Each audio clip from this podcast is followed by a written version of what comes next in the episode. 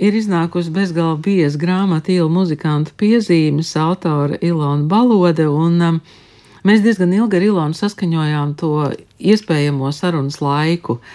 Sveiki, Ilona, man prieks, ka mēs te satikāmies tomēr radio studijā. Sveiki, labdien! Vai tu vari mazliet atklāt, kāda ir tā tava ikdienas um, kārtība, ar ko tev viss ir jārēķinās, lai, lai varētu gan atbraukt uz radios sarunu, uh, gan, kas man šķiet pilnīgs noslēpums, lai uzrakstītu tik biezu grāmatu? Nu, ar to grāmatas rakstīšanu, to es rakstīju septiņus gadus, un tas bija, nu, es ķēru katru momentu, kad es varu uzrakstīt. Un, principā tas noslēpums ir menedžments, kad ir kaut kā jāsamanedžē tas savs laiks. Un tad jāķer, ja es pirmo grāmatu varēju rakstīt pilnīgi brīvi, nu, pa naktīm sēdēt, un viss, kad man nebija ne ģimenes, ne, ne situācija ģimenes kā tā kā tagad. Nu, tad otro grāmatu rakstot bija tā, ka es ķēru katru mirkli. Kur, kur, nu, un, un tā kā es rakstīju septiņus gadus, tie mirkļi bija ļoti dažādi. Jo tad, tad es sāku 2013. gadā un beidzu rakstīt 2019. laikam, jā. Un, un, un uh, tad tur bija pavisam viss, kas nu, bija ceļojums, kad mēs ar Udru vēl dzīvojām Kanārijas salās uz ielas, kas arī aprakstīts grāmatā. Tad man bija bērniņa gaidīšana, tad bija kārtas, tad bija bērns, bērnu piedzimšana, tad notikās avārija ar manu mīļoto vīrieti, ar ūdeni. Nu, tad es kaut kādu gadu vispār nespēju rakstīt. Tas bija. Jā, 16. gadus vispār nespēju parakstīt, nevarēju ne par ko radošu padomāt. Nu, un tad pēc tam pārslēdzās tā jaunā dzīve, kad ūdeni bija notikusi avārija, bērns bija mazs. Nu, un tad es tā riktīgi mēģināju par stundām, piemēram, aizvadu ūdeni uz fizioterapiju. Tajā laikā man vēl nebija asistenta palīgā. Tad man stunda laiks, es ar datoru sēžu stundas, zinu, es varu parakstīt. Tad kā, nu, vēlāk ir kaut citas lietas. Nu, nu, tā es ķēru katru brīdi, principā, kad es varēju rakstīt, kamēr es uzrakstīju. Un dēls uz uh, bērnu dārzu un uz muzikas skolu. Jā? Tagad ir, jā, tagad ir cits sakal. Nu, Rītums, jā. Grāmata ir uzrakstīta, bet nu, tagad ir grāmatas prezentācija lielie svētki, kas rakstniekiem principā ir lielie svētki. Kas Un, un tad tagad ir bērns, jau ir paudzies, Udrim ir arī asistents palīgā, bet nu tik un tā man ir jāatrod cits tas laika menedžments. No rīta jāpaspēj pamosties pirms no savas stūra kārtībā, jo vēlāk pa dienu man nebūs laika uztaisīt ēst, tad man jāpaspēj aizvest bārts uz bērndārs, pašai sataisīties. Nu, un tad es tiku pie jums. Uh, bet uh, kā tās piezīmes ir tapušas, uh, nu, ņemot vērā to skaudro sākumu, mm, kā tu apraksti gan kāda tu esi tajā 2009. gadā, gan, gan kāds ir ūdris, es nedomāju, ka tev tur bija blociņš, kur tu pierakstīji kaut kādas mm -mm. pārdomas? Mm -mm.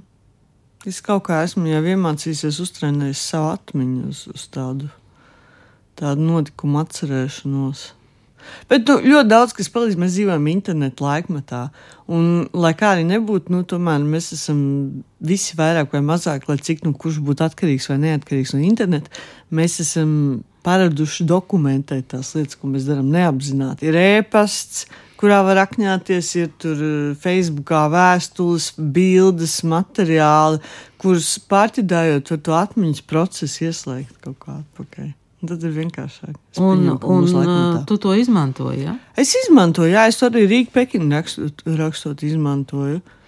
Ka, jo ir, nu, man jau arī uztrenēts tas atmiņas mehānisms, ka es zinu, ka pēc kaut kāda maziņa pavadiena jau man uzreiz attinās atpakaļ. Es kā pārslēdzos uz to laiku, arī rakstot, jo es vairāk kurbinos pa vienu kaut kādu gadu, jo vairāk man nāk papildus atmiņas atpakaļ no tā gada. Nu, tas jau jebkuram tā ir.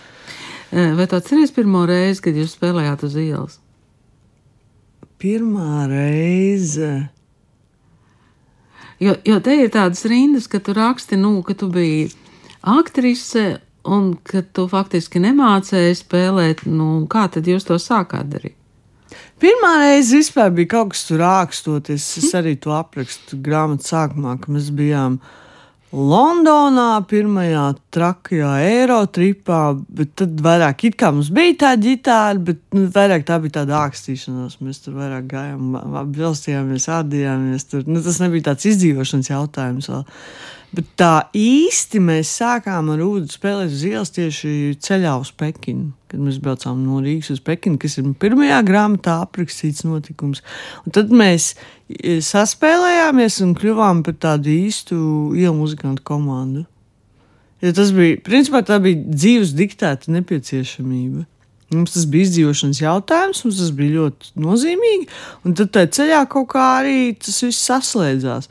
Kad tu esi uz tās ielas, Un tev nav variantu. Tev vienkārši ir jāņem harmonikas, kurus tu esi nopircis, tev jāņem šeikers un jādara tas, ko tu vari izdarīt. Nu, un tad pamazām, pamazām, katru dienu to dari. Ceļā tu mācies, ceļā es apgūstu dziesmas, katru dienu vairāk vārdus, uh, instrumentus. Nu tā, un tad beig beigās mēs jau atbraucām ar ūdeni no Pekinas jau uz Rīgu tādi nu, tāds kārtīgs bērns. mm. Bet uh, Rīgā uz ielas arī jūs spēlējāt? Rīgā uz ielas mēs sākām spēlēt vēlāk. Tas jau arī aprakstīts jau muzikantu piezīmēs. Nu, jo, jā, tas ir kā mēs no sākuma lauzāmies, lauzāmies, jo arī ar naudu, naudu bija parasti problēmas. Mums uh, no sākuma likās, nu kā tad mēs tā Rīgā uz ielas spēlēsim. Pārsvarā gan mēs tomēr tā iela muzicēšana mums ir bijis ārpus Latvijas. Nu, tāds, tāds tāda, tāda nopietna, ka mēs pat bija, bija tā, ka mēs braucam peļņā. Mēs, piemēram, vienu brīdi pat braucām uz Tallinu, ka mēs konkrēti sagaidījām. Tā, Tallinā vispār ļoti laba vieta, kur spēlēt uz ielām. Ļoti, ļoti jauka vecpilsēta, un visur tur kaut kā cilvēki ļoti pretim nākoši arī jau muzicēšanai. Bet Rīga arī. Bet Rīga bija tā, ka mēs ilgi nevarējām pārkāpt pār tam, ka uh, mēs aizējām Rīgā spēlēt uz ielas, un uzreiz kāds klāt tur. O, Udīt, nu kas tad ar hobos, kāpēc hobos koncertu nav, ko tu, tu te uz ielas sēdi un spēlē? Nu, un tas mums bija sākumā tāds rūda, tāds likās neēt, un es arī domāju, nu, ko par mani padomās cilvēki, un es tur kādreiz dēls teātrā aktris, un kā viņi tādi skatīsies uz mani, un kā tu, ko tad tik zem cilvēki nolaidušies, ka spēlē uz ielas. Nu, tas latviešu domāšana tipiskā tāda, ko par mani padomās.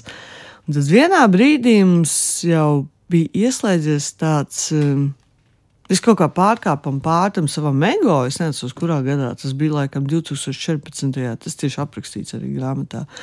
Un, mēs sapratām, ka bija tieši dziesmu sēkla, laikam, bija dziesmu sēkla laiks.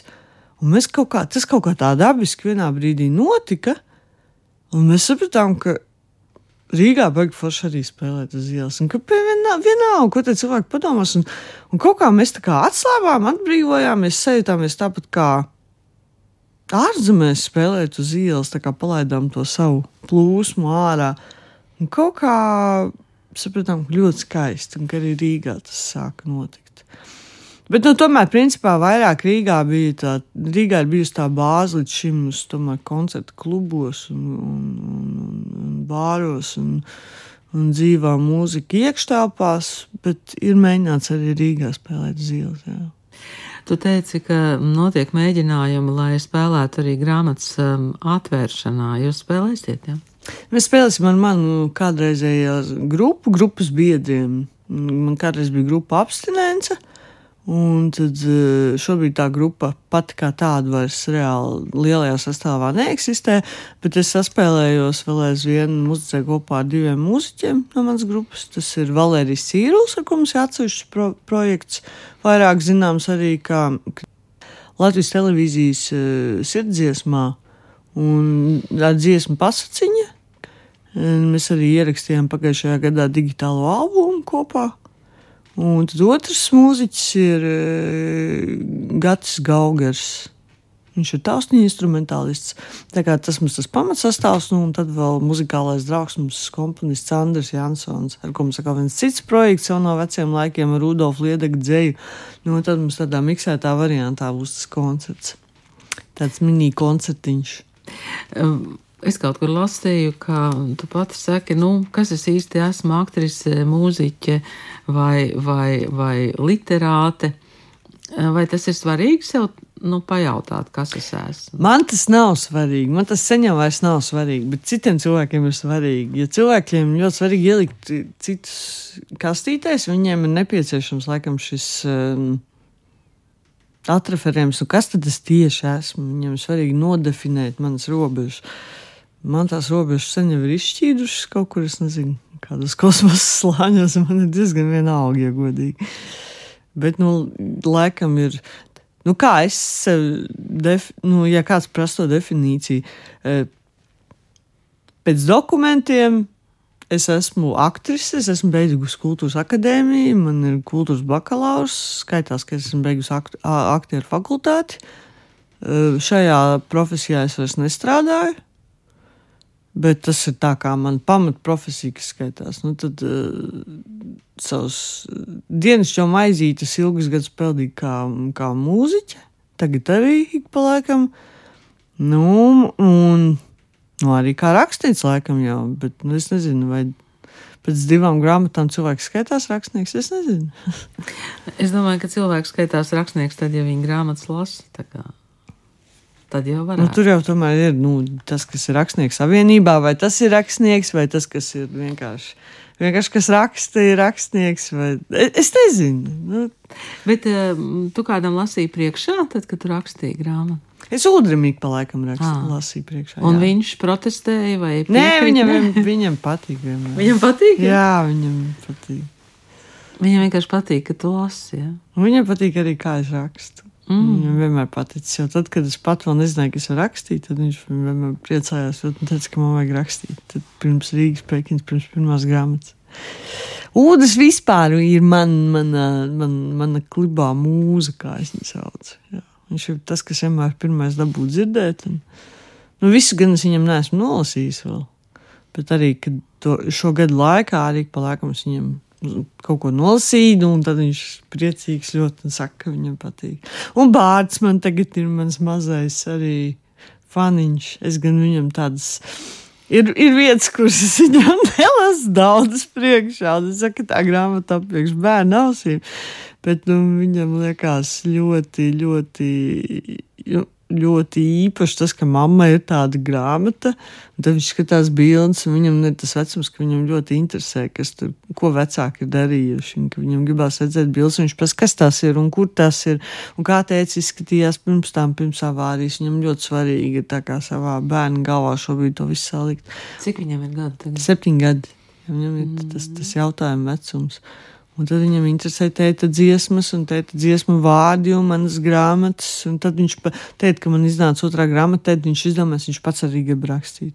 Viņam vajag, vajadzēja, lai es planšetē uztaisītu viņa, viņa failu, kurā būs bērta grāmata. Viņš uzrakst divus teikumus, nopūtās, noslaucīs vietas, pateica, vai es noguru. un tad viņš paskatījās uz tavu grāmatu un domāja, nu, tas ir gandrīz neiespējami pagaidām. Nu, pagaidām, jā. Tur ir eh, viena ļoti, ļoti skarba vieta par eh, bārta dzimšanu. Mm -hmm.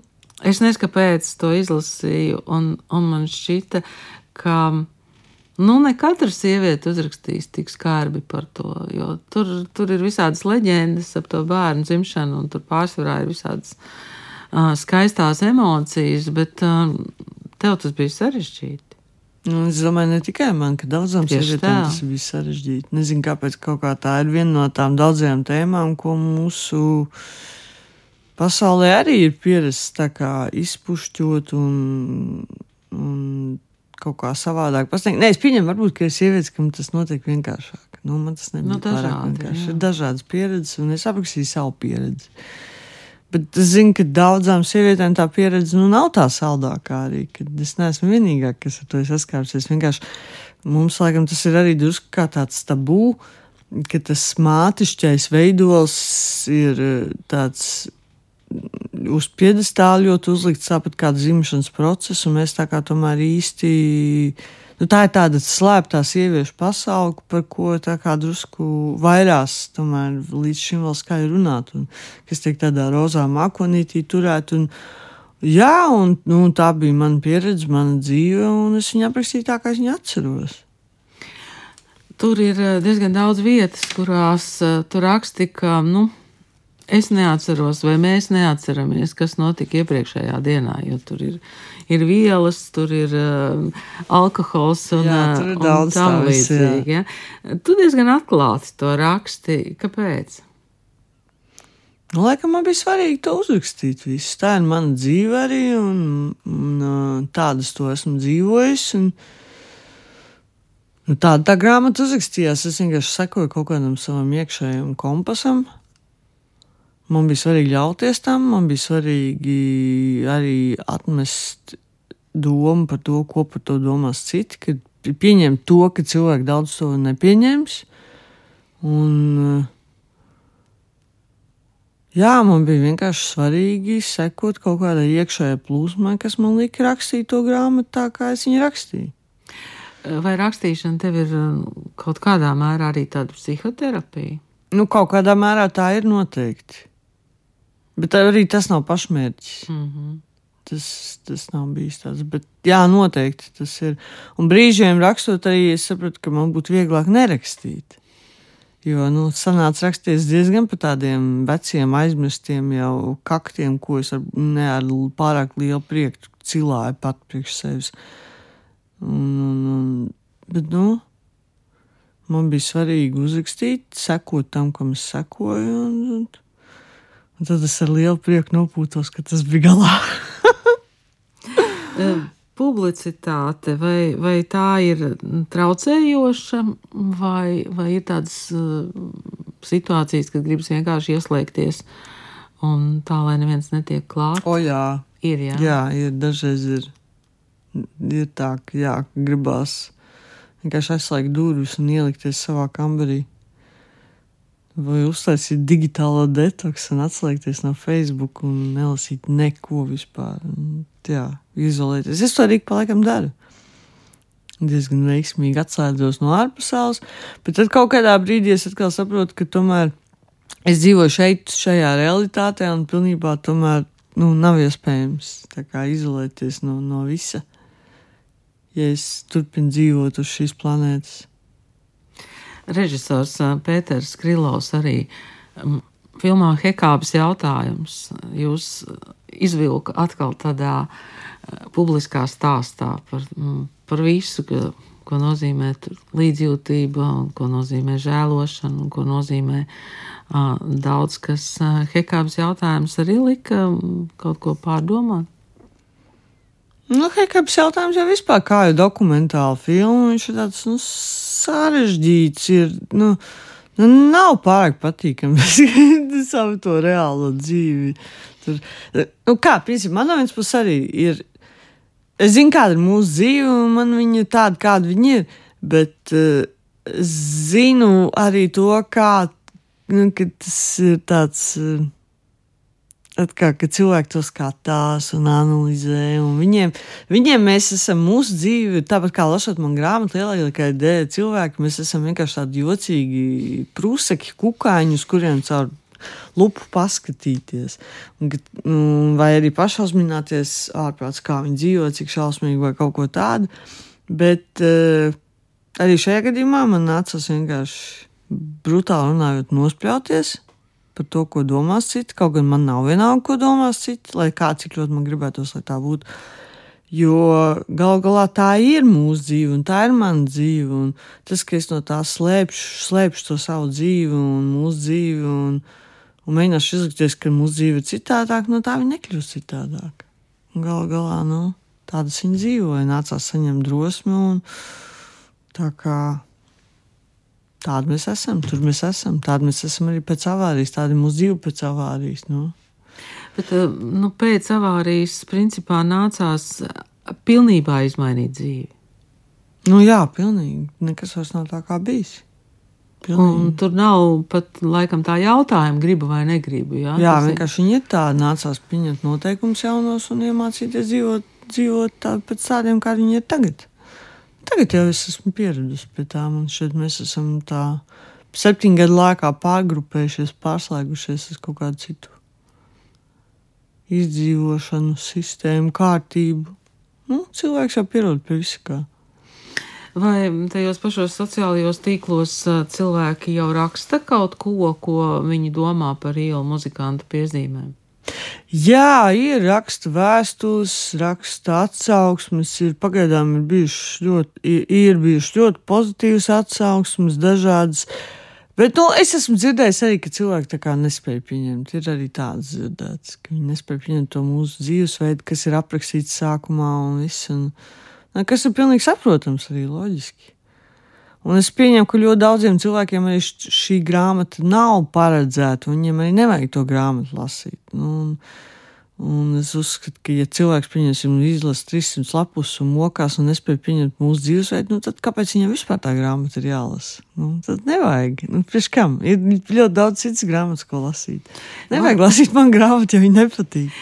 Var lasīt arī pa epizodēm, piemēram. Jeb labāk tomēr no sākuma. Un Nu, tā forma tur ir tāda, ka labāk ir rakstīt, no, lasīt no sākuma līdz beigām, ja tur savijās kopā arī, jo tur ir divi laiki, kuros es rakstu. Ir tā kā tas, kas sākās pagātnes laiks, kas ir no 2009. gada, un tad ir eh, tagadnes forma, kas ir, ko es rakstu tā kā tā brīža brīdī, kad es saku, ka es sāku 13. gadā rakstīt, kad ir tas uh, tagadnes laiks, ko es rakstu kā šeit, šajā brīdī, man dienas grāmatas forma, un kas ir, kā es jūtos tajā brīdī, tajā laikā, un kas beig, beigās grāmatas noslēgumā savijās kopā vienā punktā, kad es beidzu rakstīt, tā tagadne, tā, tā, tā brīža tagadne. Un, un noslēgums. Būs trešā grāmata kādu dienu. Es nezinu, it kā man ir iesākta jau trešā grāmata. To es esmu jau daudz gadus atpakaļ iesākusi, un man ir arī sarakstītais materiāls sakrājies. Nu, šobrīd es kādu laiku negribēju rakstīt, bet nu, gan jau, ka tad, kad es sejtīšu, ka vajag, varbūt sakstīšu. Es nezinu, es nezinu, ko vispār, nu, ko var zināt šajā dzīvē. Paldies, Ilona, paldies par atklātību grāmatā, paldies par šo sarunu, un lai izdodas vienkārši foršs vakars. Paldies! Atverot, atverot grāmatu. Paldies! Jā, un paldies, ka uzaicināji!